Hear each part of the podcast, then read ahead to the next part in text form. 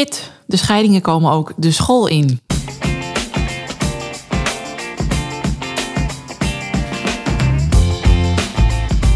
Hey, fijn dat je luistert naar de Scheidpodcast. Ik ben Carly Timmerman van Bureau Carbon, host voor gezinsvriendelijk scheiden. En ik ben Anneke de Groot, bedenker van gezinsvriendelijk scheiden en de grote vriendelijke bemoeial voor alle gezinnen. We nemen je mee in de wereld van fabels, feiten, statements en informatie als het gaat over scheidingen of uit elkaar gaan. Welkom.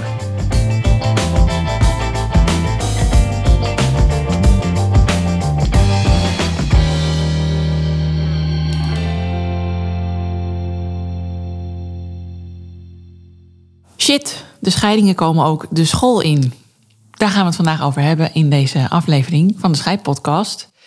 We zitten hier aan tafel weer met Anneke, natuurlijk in jouw heerlijke huis. Welkom Anneke. Dankjewel. En uh, ook aangeschoven is uh, mijn zus. Die uh, heeft al een aflevering hier opgenomen over haar eigen scheidingsproces. Maar vandaag gaan we het daar helemaal niet over hebben. We gaan het vandaag over jouw functie hebben. Want jij bent leerkracht. En jij ziet op school heel veel dingen voorbij komen. Heel veel kinderen voorbij komen. Heel veel gezinnen voorbij komen. En een school zou een veilige plek voor een kind moeten zijn is misschien wel een verlengstuk van een gezin in sommige situaties. En nou ja, dat betekent dus ook nogal wat voor jouw rol als leerkracht. En we gaan bespreken wat je ziet gebeuren, wat er misgaat, wat er beter kan uh, en wat er goed gaat, want er gaan natuurlijk ook dingen goed. Dus ik ben heel benieuwd, want ja, ik, uh, jij maakt veel meer mee op gezinsvlak dan ik door jouw functie. Misschien kun je kort even schetsen hoe lang je al leerkracht bent en uh, wat jouw algemene indruk is van scheidingen op school? nou, ik ben uh, 20 jaar leerkracht. Ja, 20 Zo. jaar alweer. Ja, jubileum. Ik voel een feestje nou, aankomen. Echt, het doet dus in bellen. En ja, ik heb al heel wat kinderen, gezinnen uh, voorbij zien komen. En inderdaad, waar het 20 jaar geleden misschien nog vier, vijf kinderen waren die te maken hadden met een scheiding, nou, zijn het er nu minstens 15 in de groep. Dat ja. is uh, schering en inslag. Ja, het is en hoeveel zitten er in een groep? Ja, dat wisselt. Oké. Okay. Ja, uh, ik, ik zit ook in een invalpool, dus ik zie veel kinderen. Ik werk uh, nu tijdelijk weer vast. Een verlof her en der. En bewuste keuze. Ik vind het lekker om veel kinderen te zien. Ja. En zou je dan zeggen ook echt dat meer dan de helft van de kinderen in een klas gescheiden ouders heeft? Of ongeveer de helft? Ja, dat durf ik bijna wel zeggen hoor. Ja. ja. Of, of zijn onderdeel van. Dan zijn hun ouders wel bij elkaar, maar dan is dat al een samengesteld gezin. Snap je? Nee. De, dan heeft het kind wat bij mij in de klas zit wel een vader en een moeder dat in één huis woont. Maar die moeder had dan bijvoorbeeld daarvoor nog een relatie. Ah, zo. Oh ja. Ja. Dat kan ook. Ja. En dan heb je vaak te maken met een bonusbroer of zus. Ja, bonusopa's en oma's. Ja, waar je ook niet altijd om hebt gevraagd. Ja, dat is ook iets, hè? Dat je dan bijvoorbeeld een groep 8 musical hebt en niet genoeg plekken voor al ja, die extra dat is, Ja, dat is echt oma's. heel erg. Ja, ja het is tranen ook. Ja. Ja, ja moet je als, als juf moet je ineens mediator zijn voor een ticket, voor een musical ticket. Ja, ja, je kan het zo gek niet bedenken. Ik heb het allemaal al meegemaakt. Want wat zijn de verschuivingen geweest als jij zegt in het begin van, nou, het waren misschien vier, vijf kinderen per groep. Uh, Cardi zegt, nou kunnen op dit moment wel zeggen de helft van een groep. Ja. Uh, dat betekent inderdaad een enorme toestroom met zo'n eindmusical van opa's, oma's. En iedereen wil er maar bij en iedereen vindt ook dat hij recht heeft. Hè? Ja, ja, vooral dus, dat. Uh, ja, dat. Ja, vooral dat inderdaad. En jij zegt, en dan moet ik ook ineens nog even mediator zijn. Ja, ja. ja. Is dat jouw taak? Nee, absoluut niet. Hoe zou dat anders kunnen? Poeh. Nou, ik denk dat we het daar dan gewoon gaan hebben over de verschuiving van überhaupt het onderwijs aan zich. Want we hebben er natuurlijk met elkaar voor gezorgd dat ouders en de wereld heel mondig mag zijn en overal wat van kan vinden. Terwijl uh, 40 jaar geleden het leer leerkrachtenberoep toch nog wel iets van aanzien had. Ja, en daar was uh, een soort gezag. Ja, ja, ja, en dat gezag, dat, dat, dat klinkt altijd heel zwaar. Dat hoef ik ook helemaal niet, dat gezag. Maar het respect is wel verschoven. Ja, het respect krijgen van de kinderen echt wel. Althans, de meeste. Uitzonderingen daar gelaten. Uh, je bent ook echt een soort. Ik ben dan een vrouw, dus ik ben een tweede moeder. Ik heb zoveel kinderen die komen, die komen gewoon liefde halen. Dus eh, dat blijft gelukkig. Alleen ehm, mijn rol als leerkracht is lang niet alleen maar meer lesgeven. Ja, jij zegt dat is eigenlijk ook wat ik doe, hè. Lesgeven, dat is verschoven. Dat is niet meer het enige waar ik Nee. mij mee bezig hou. Nee. Ik heb er andere taken bij gekregen, gevraagd of ongevraagd. Ja, Eh, maar dat is wat er is gebeurd. dat is wat er is gebeurd. En wat zou jij daar anders in willen? Nou, ik zou weer terug willen naar de expertise van de leerkracht, namelijk het lesgeven. Eh, dat betekent dat de opvoedkundige taken, waarvan ik nog steeds vind dat dat in de thuissituatie plaats mag vinden, veel meer terug mogen naar de ouders zelf. Ehm, ik ben 17 jaar lang kleuterjuf geweest en ik kreeg dan kinderen binnen die eh, niet konden praten, niet zindelijk waren. eh, eigenlijk een dag school niet konden volhouden. ehm, met een fles binnenkwamen. Eh, Echt dingen waarvan je echt hoopt en wenst dat dat al ja, thuis toch is opgepakt. Een soort Ja. basisvoorwaarden waarvan is Ja. voldaan, zodat jij aan lesgeven toekomt. Ja, en die basisvoorwaarden die zijn gaandeweg de tijd verschoven en verschuiven nog steeds tot het absurde af. Als ik me niet goed heb voorbereid op bepaalde gesprekken en ik weet wettelijk niet wat ik zou moeten zeggen om ervoor te zorgen dat ik voor elkaar krijg wat ik voor elkaar wil krijgen, dan ga ik een heel naar gesprek tegemoet waar ik dan ook nog vervolgens van wakker lig. Terwijl ik eigenlijk helemaal niet, ja, ik zou het eigenlijk helemaal niet wenselijk achten dat ik een soort advocaat eh, spoedcursus moet gaan volgen om ervoor te zorgen dat ik de zorg voor een kind op poten krijg. Ja, Kun je daar een voorbeeld van geven? Eh, ik, wat wij bijvoorbeeld binnenkrijgen zijn eh, gescheiden ouders. Ehm, het, laat ik het in dit geval zeggen dat vader zegt dat een kind niet mee mag met moeder. Maar kan vervolgens niet aantonen dat dat ook ehm, is vastgelegd. Dus ehm, als jij mij niet kan laten zien dat een advocaat dat heeft goedgekeurd, dan heeft zowel vader als moeder recht op het ophalen van een kind. Dat moet je weten als leerkracht. Ja, dat is natuurlijk makkelijk als je bijvoorbeeld nog niet zo ervaren bent. Om dan te denken, oh, die man die, die zal wel gelijk hebben. Ik, eh, Ja. En dan kan het dus zo zijn dat er een situatie ontstaat op het schoolplein met een moeder die haar kind komt halen, waarop ik dan zou zeggen, nou, dat mag niet. Ja, ja, dat zijn geen ge- gezellige momenten. en vooral niet voor het kind. Nee. Nee, want dan ben jij dus niet meer die veilige basis voor dat kind. Ja, wat school eigenlijk zou moeten zijn. Ja, Ja, want de problematiek komt echt de school in, In. op dat moment. En ga dan maar, eh, of je nou wel of niet een ervaren leer- leerkracht bent, ga dan maar aan met die complexe dynamiek die er is ontstaan tussen de ouders, want die komen er niet uit. Daar zijn al juristen, advocaten bij betrokken. Eh, vaak zit er dan ook veilig thuis al bij. Want op het moment dat ouders er helemaal niet uit gaan komen, ja, dan ziet iedere rechter ook wel hoe dat kind in de knel komt. Eh, en dat brengen ze de school in. En daar moet het uit, als ik heel eerlijk ben. Het is niet de plek waar het kind ook nog eens geconfronteerd moet worden met de vervelende en pijnlijke situatie waar die thuis al in zit. Dat hoort niet bij de docenten thuis, in mijn beleving. ik ben het er helemaal mee eens. En je kan er niet omheen. Ik bedoel, je hebt te maken met het kind en het verdriet. Maar dat is exact wat het zou moeten zijn. Ik heb te maken met het kind en het verdriet van het kind. En ik Ja. heb niet te maken met de thuissituatie, dus de ouders, dus de advocaat. Ja, en het lastige daaraan vind ik, het zit er wel aan vast. Want Ja. als jij niet weet als professional, hé, maar wat gebeurt er bij het kind thuis? Hoe kan ik hem dan die aandacht geven die hij op dat moment nodig heeft? Ja, en daar is het denk ik ook misgegaan. Ja. Met het naar binnen laten sijpelen van al de complexe problemen Ja, rondom gezinnen.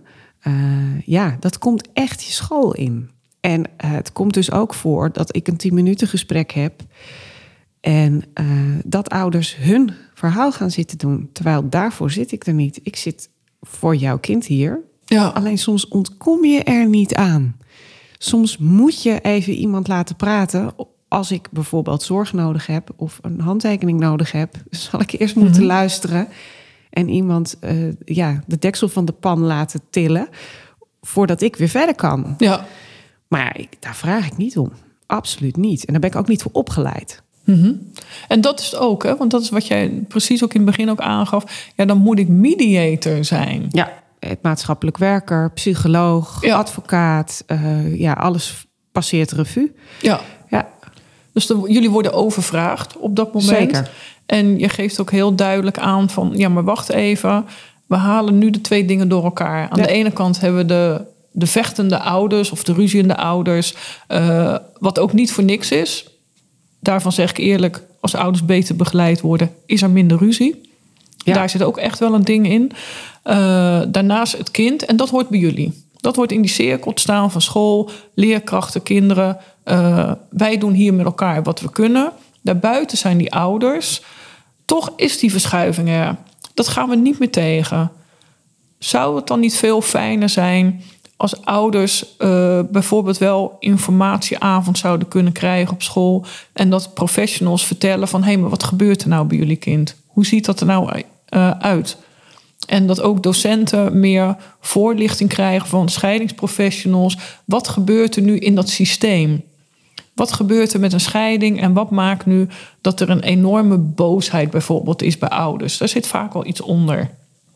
En ik denk dat dat ook wel ontbreekt. Dat er inzicht is, eh, bijvoorbeeld al hoe een scheidingsproces werkt. nou ja, dat, dat ontbreekt zeker. En vooral ook wat dan het gevolg is voor het kind. En eh, ja, dat, dat- ja dat, ik denk wel dat daar behoefte aan is. Kijk, ik ben zelf gescheiden. Dus dat, en ik moet heel eerlijk zeggen dat op het moment dat het ter sprake komt in de klas. Het is tegenwoordig heel normaal ook om daarnaar te vragen. Dus het taboe is eraf. Dat is heel erg prettig. Dus dan komt, zijn jouw ouders ook gescheiden? Ja, mijn ouders zijn ook gescheiden. Ja, mijn ouders gaan scheiden. Oh, dus je hoort er helemaal bij. Ja, weet je, dat soort gesprekken voeren kinderen gewoon. Dat je echt denkt, huh, oké, kennelijk horen we erbij. En dan roep ik altijd, jongens, ik ben ook gescheiden. En dan zie je een soort ontspanning komen. Oh, echt? Ja, echt? Oh, Weet je, alsof ze, oh, nou wat lekker. Weet je wel dat? Dus dan, dan, dan valt er toch een last van die schouders af. Dat zie je Ja, gewoon. we zijn niet de enige daarin. Ze zijn ja. niet de enige daarin. En ze, ze komen ook wel eens bij me om dingen te vragen. Ja. Eh, als ik in één dag ergens sta, want dat komt wel eens voor, dat ik één losse dag wordt ingepland ergens. Dan doe ik altijd aan het begin van de dag even een vragenrondje. Nou, wie ben ik? En eh, dan is het, het is altijd standaard de eerste vraag: heb jij een huisdier? Hoe oud ben jij? Hoe oud ben jij? Heb jij een kind? Ja. Heb jij een man? Die had ik. En dan valt het altijd even stil. Ja. Oh, hoor je dan? Dan ben jij dus gescheiden. Ja, dan ben ik dus gescheiden. Oh, ik ben ook gescheiden. Weet je, dus ik zorg er wel voor dat, het, dat, het, dat er bij mij in ieder geval geen taboe op rust. Zodat een kind zich altijd welkom voelt om wat dan ook te komen vragen. Ja. Nou, dat is prettig. In school eh, gebeurt dat wel vaker. Er zijn meer leerkrachten die dat doen. Er zijn ook een aantal leerkrachten die dat liever niet doen. Kinderen kunnen sowieso terecht bij eh, counselors op de verschillende scholen. Maar ja, dan nog komt de problemen, komen de problemen de klas in. Ja, ik vind het wel ook, want jij zei net Anneke van ja, ehm, het is eigenlijk zo dat dat kind, school, leerkracht, dat is een soort gesloten eh, driehoekje. Maar ik, ik vind zelf eigenlijk wel echt dat ouders daar ook bij horen. Omdat op het moment dat je kind naar school gaat, eh, is het toch prettig dat je juist in gesprek kan met school. Het is denk ik alleen nu zo dat, dat ouders zich soms bemoeien met eh, de dingen die op school gebeuren. Om even een lelijk woord te bemoeien te gebruiken. Maar volgens mij ervaren leerkrachten dat soms zo. Ik kijk even naar jou, want dit vul ik nu in. Ja, de- de- en het is heel goed dat je dit even goed nuanceert. Want wij kunnen natuurlijk de zorg voor het kind niet bieden zonder de samenwerking met de ouders. Nee, exact. Is- Absoluut. Heb je helemaal gelijk in. En dat moet ook echt. Alleen we zouden terug mogen naar een ander soort samenwerking.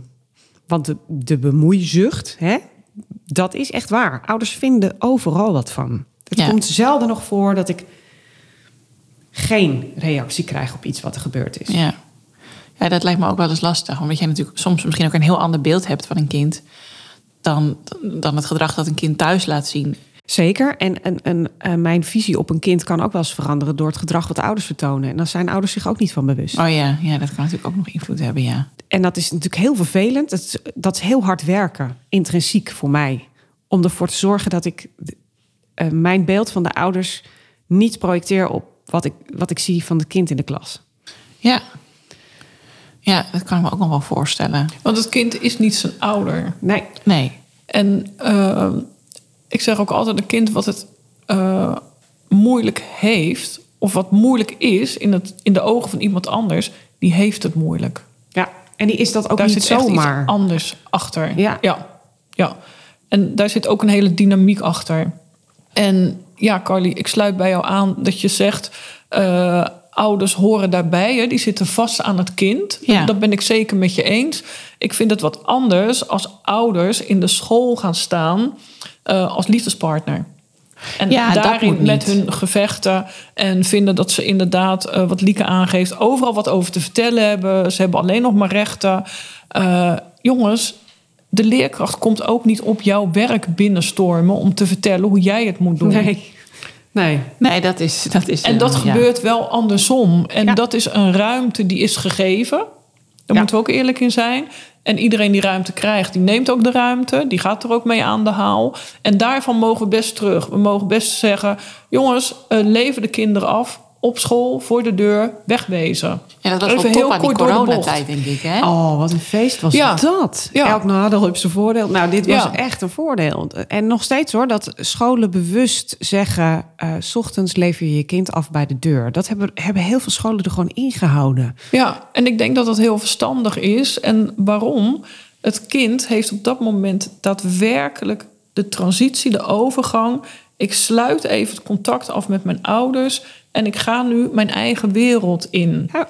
Dat is zo belangrijk voor kinderen om dat besef te krijgen. Ja. En dat ook hebben we weggevaagd. Alles moet maar in elkaar passen, moet maar met elkaar kunnen bewegen. Nee, waarom? Dat kan niet. Nee. We vragen iets van onszelf en van anderen wat niet eens kan. Stop daar gewoon mee. Dat lijkt me een hele goeie. Stop daarmee. Ja, stop daar echt mee. Dat meen ik, ja, maar dat meen ik echt serieus. Ik wil het niet. Ouders buiten de school, op het moment dat het nodig is, vertrouw er alsjeblieft op dat die leerkracht aan de bel trekt. Ja, Ja, en of het vertrouw kind ook op trekt. de kennis en de kunde Ja. van de leerkracht. Ja. Dus even een pleidooi ook. Ja, nee, maar dat meen ik serieus. Ik zie daarin ook de verschuiving. En ik vind oprecht, het kind heeft zeker recht op een veilige plek op school. Er zijn te veel kinderen die dat thuis niet ervaren op dit moment. Ja. En gun elk kind ook gewoon die veilige plek. Ja, Dat eens. vind ik heel belangrijk. Ja, en jij stelde net ook voor dus om meer kennis de school in te brengen richting leerkrachten over scheidingsprocessen. Ja, absoluut hoe dat werkt. En eh, kijk, met alle liefde kom ik gewoon een keer langs en dan zeg ik: jongens, stel gewoon alle vragen. Waar loop ik tegenaan? Hoe begeleid ik ouders? Wat zie ik daarin gebeuren? Wat zit daaronder? Eh, wat kunnen wij daar met elkaar in betekenen? Ik denk dat dat heel belangrijk is om juist, wat Lieke net ook zei, we moeten samenwerken. Ja. Maar heel veel zitten nu Tegen in te werken. elkaars positie te werken. En dat is echt iets anders. Ja. Ja. Dat moet eruit. ja, dat moet er zeker uit. Ja. Ja. En ik vind als school mag je gewoon best een statement maken en zeggen: ouders, tot de voordeur. Ja. Nou, ik vind het op zich ook wel weer heel fijn om te horen van, van jou dan... dat dus dat taboe op, op scheidingen eraf is. Dat maakt natuurlijk wel dat het beter besproken wordt door leerlingen zelf. Maar ook met leerkrachten onderling, leerkrachten, leerlingen. Al die gesprekken gaan denk ik makkelijker dan twintig jaar geleden. En het is misschien met kinderen onderling zeker ook nog wel... de- vroeger als je ouders gescheiden waren, was je natuurlijk gewoon een beetje zielig. Ja. Ja, ja, Ja. toch? Ja, en nu is dat gewoon... Nou ja, je hoort er dus blijkbaar bij. Je bent Ja, een soort nieuw clubje. ja. En Ja. je hebt ook allerlei voordelen. Namelijk meer vakanties, bonusmoeders. eh, En twee keer Sint, Oma's. twee keer kerst. Ja, Nou, meer... Ja, ja. Is echt... eh, ja, dus dat is op zich denk ik een goede ontwikkeling. Alleen, wat, wat zou er dan nog meer... Wat zou er dan nog beter kunnen? Want jullie geven allebei aan van... nou, eigenlijk kan het nog steeds wel beter. Maar het is voor mij als leek niet helemaal duidelijk... wat dat dan moet worden. Nou, sowieso de begeleiding tijdens het scheidingsproces, dat elk kind daarin een stem krijgt, dat vind ik gewoon super belangrijk. en ook al is het taboe er nu af, Dat wil niet zeggen dat het verdriet minder is. En dat de verwerkingstijd voor de kinderen daardoor minder is. Ehm, ik heb wel de ervaring dat kinderen onderling er heel goed met elkaar over kunnen praten. Eh, en zeker pubers. En wij horen ook wel eens de horrorstories van die pubers. eh, wat ouders dan doen en zeggen. Waardoor die kinderen gewoon tot boven hun hoofd in verdriet zitten. En herinneringen meekrijgen. eh, en ook gewoon tegen ons zeggen: Ik kan niet wachten tot ik 18 word, want dan kan ik het huis uit. Ja, Dan ben ik weg bij die twee vreselijke ouders. Het lijkt me echt verschrikkelijk als je kind dat gewoon tegen je zegt. ja, mij ook. En welke rol zou school daar dan in kunnen spelen, denk jij? Nou, ik denk dat hè, nu, ik, nu ik hier zo met jullie aan tafel zit, het feit alleen al dat ik eh, mijn netwerk zou kunnen vergroten. Dus stel je voor dat ik een multidisciplinair overleg heb over een bepaald kind, omdat daar zorg over is. Dat ik weet dat ik binnen zo'n multidisciplinair overleg iemand als Anneke zou kunnen betrekken. Ja, precies. Een multidisciplinair overleg is een gesprek over een kind dat extra ondersteuning nodig heeft. Ja, waarvan we niet zo goed weten waar we moeten beginnen of waar we het zoeken moeten, in welke hoek het ingevlogen wordt. En daar zitten dan meerdere externe partijen bij, waarvan school er één is en ouders ook altijd één is. Maar hoe mooi zou het zijn als je weet van dit is er nu aan de gang. Eh, en, en dat je gewoon weet dat er iemand bij kan komen. Ik denk dat het wel een enorme verrijking is voor het onderwijs. Eh, en vooral voor de kinderen. Ja. Ja, Ja, en dat Ja, is dat dus ook die zeker. samenwerking waar jij Ja. het over hebt. Dat ja je dan absoluut. Ik denk dat we ontzettend met elkaar samen moeten gaan werken. En juist moeten gaan kijken hoe kunnen we elkaar versterken in de regio. Ja, Uh, en wat zijn dan onze ervaringen daarin? En uh, ook daarvan weer leren van elkaar. Ik kan weer van jou leren van... hé, hey, waar loop jij tegenaan hè? als leerkracht? Uh, wat wij misschien niet altijd weer van de kinderen terug horen. Hoe kan je elkaar daarin ondersteunen? ja. Ja, ik geloof daar absoluut in. Ja, Ja, dat zou heel mooi zijn, ja. Want hoor jij wel eens van kinderen in jouw praktijk, Anneke, dat zij meer hadden verwacht of gehoopt eh, op school? Dat ze misschien om hulp hebben gevraagd aan hun leerkracht en dat er niks kwam of juist wel kwam? Nee, dat is juist het opvallende. Alle kinderen die wij spreken geven aan dat ze in gesprek met hun ouders willen. Oh ja, En ze hebben het nooit over ik wil in gesprek met mijn docent of met mijn leerkracht. En uh, dat is heel mooi. Je hebt nu de. Oké, okay. ik vind het erg. Ik vind het echt te erg voor woorden. Je hebt nu de documentaire. Ja. Over de jeugdzorgtapes. Ja. En daarin zien wij gewoon dat er jaarlijks bijna 20.000 kinderen uit huis worden geplaatst in Nederland. Wij lopen als Europa voorop hoor jongens, wees er trots op, echt waar. Schandalig en het kabinet blijft maar zitten. Uh, daar zitten kinderen nu bij en omdat er geen plek is voor die kinderen, komen ze op gesloten afdelingen terecht. En zij komen soms terecht in de jeugdgevangenis. Als maatschappij doen wij dit de kinderen aan duizenden kinderen op jaarbasis die in het regime daar terechtkomen van een jeugdgevangenis. Uh, die stalen deuren hebben voordat ze in aanraking kunnen komen met de buitenwereld, die misbruikt worden, die zelfs gevisiteerd worden omdat ze onder het regime vallen. Dit zijn kinderen die nog nooit iets hebben gedaan. Elk kind daarvan geeft aan dat ze zo graag hadden gewild dat ze thuis hadden kunnen blijven wonen. Dat wij als maatschappij gaan investeren. En dat is waarom dat ik het altijd heb over de voorkant. Wij moeten aan de voorkant werken met gezinnen. En niet als de schade is aangericht. En wij blijven miljarden stoppen aan de achterkant van trajecten. En hoe fijn zou het zijn als wij uh, de gezinnen kan, gaan begeleiden ja, tuurlijk zijn er ouders die het echt even niet meer weten. Maar die hebben hulp nodig. Die hebben geen straf nodig dat we het kind uit huis plaatsen. Zij hebben hulp nodig. En dat is uh, waar ik mij gewoon, totdat ik mijn kist inga, hard voor zal maken. En waar je dus ook een rol voor de school ziet. Ik, voor iedereen zit hier een rol ja. in, in Nederland. Uh, wij moeten dit niet accepteren. Maar ik heb de eerste aflevering gezien. En ik ben nog van slag. Ja. Het heeft mij zo diep geraakt. Ik weet wel door de dossiers die ik onder ogen kijk. En ik ondersteun soms gezinnen die in aanraking komen met veilig thuis. eh, ja, belangeloos. Ik doe dat gewoon met een aantal gezinnen op jaarbasis. Want ik vind gewoon dat ik, dat, dat mijn plicht is. Eh, dus dat doe ik met heel veel liefde. En daar zie ik eh, wat er gebeurt in gezinnen. En ik geloof oprecht dat zij met liefde en aandacht meer geholpen zijn dan dat wat wij nu die kinderen aandoen. Ik kan er niet bij dat dit gebeurt in Nederland. Ik kan er echt niet. Ik ben er echt kapot van. Ja, Ja. ik kan er echt niet bij.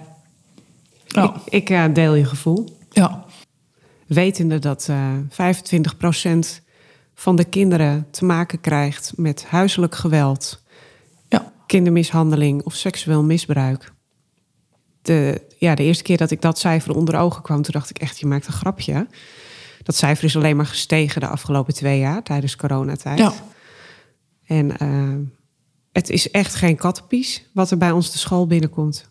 Ja, want dat betekent dus 25% als je een klas hebt van, eh, nou, 26... Nee, je kan niet zo goed rekenen. 24 kinderen, dat er dus zes kinderen zijn. Ja. Waar, waar, waar dat mogelijk gaande is. Ja. En dat, ik neem aan dat je dat als leerkracht niet eh, altijd doorhebt. Nee, En als het wel bekend is dat er dan een heel rattenplan aan instanties op je dak komt. Ja, en dan hebben we zo'n ontzettend goed werkend bureaucratisch systeem. dat je zeker weet dat het drie jaar duurt voordat het kind de juiste zorg heeft. Ja, precies. En dat Ja. is waar jij het ook over hebt. Dat je dan aan de achterkant Ja. zorg of Ja. hulp verleent. Terwijl je eigenlijk wil dat het aan de voorkant nou ja, niet eens zo ver kan komen. Je moet bij het gezin beginnen.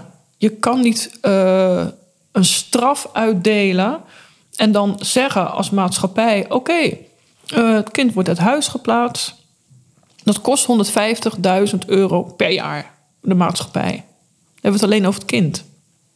Dan hebben we het niet over alle zinloze, dure procedures die ouders op gaan starten, eh, maar die niet door eh, jeugdzorg heen komen, die niet door Veilig Thuis heen komen.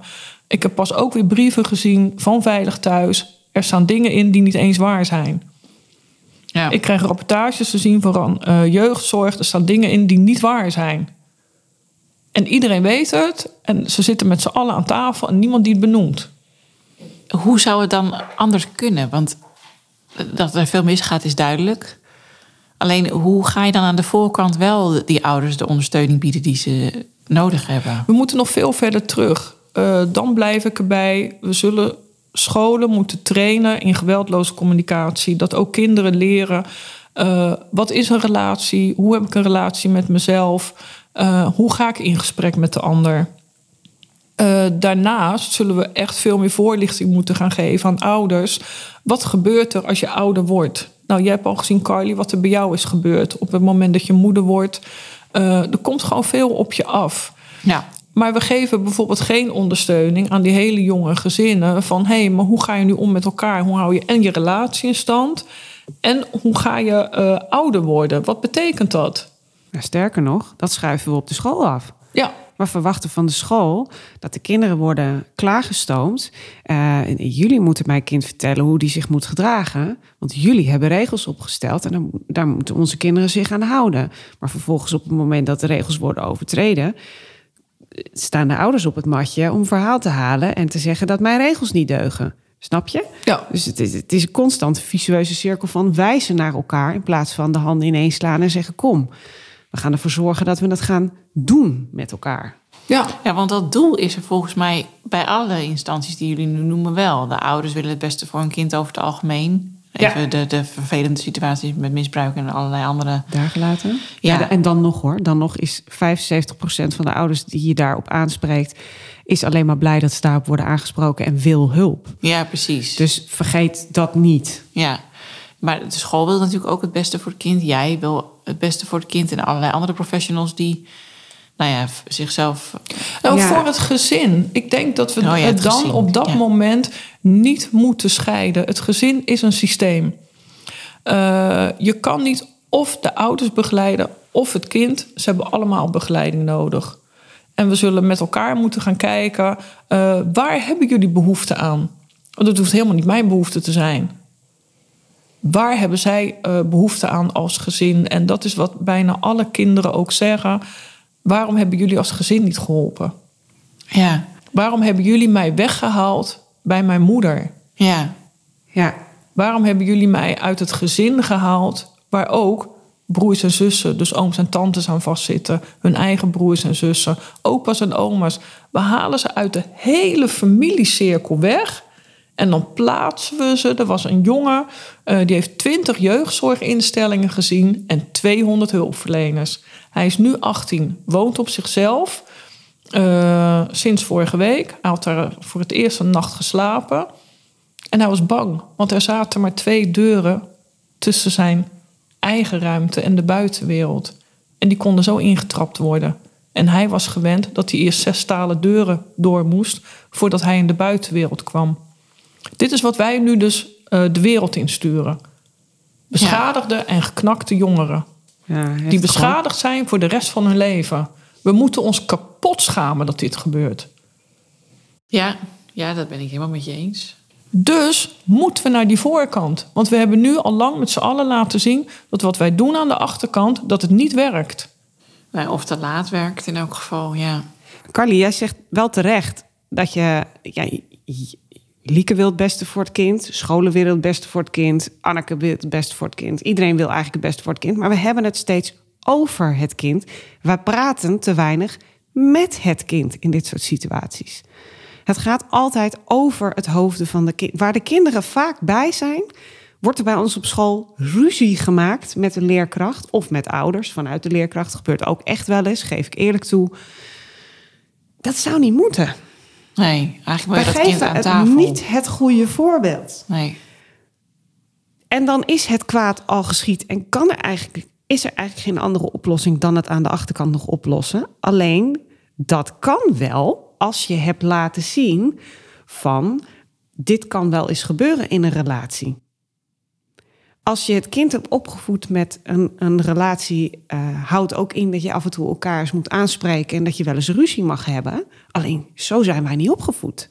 En kinderen kunnen dat juist heel goed, hè, veel meer vanzelfsprekend. aan. Die kunnen het ook echt oplossen zelf. Ja. Dus laat dat maar gaan. Inderdaad, dus eigenlijk om antwoord, een beetje antwoord te geven op jouw vraag, wat zou er dan moeten gebeuren? Ik denk dat we naar een ander schoolsysteem toe moeten. Ja, het systeem veranderen, ja. Het, en dat heb je niet in twee jaar gefixt. Nee, nee, en dus ook niet het gezin lostrekken van het kind... of het kind lostrekken Nee. van het gezin. Nee, dat, dat kan ook echt niet als ouders hier komen. En soms zie ik echt aan ouders, denk, ik, oh, jullie kunnen het hartstikke goed zelf. Ga ik me niet mee bemoeien met het kind. En wij vragen het altijd wel. Mag Marielle toch één gesprek hebben met het kind? Dat is, wij werken dan met een uh, rouw- en verliestherapeut samen, een kindbehartiger. Dat is Marielle. Eh, zij spreekt altijd de kinderen even apart. En later brengen we dat bij elkaar. En die verhalen zijn altijd anders dan wat ouders tegen mij vertellen. Ja.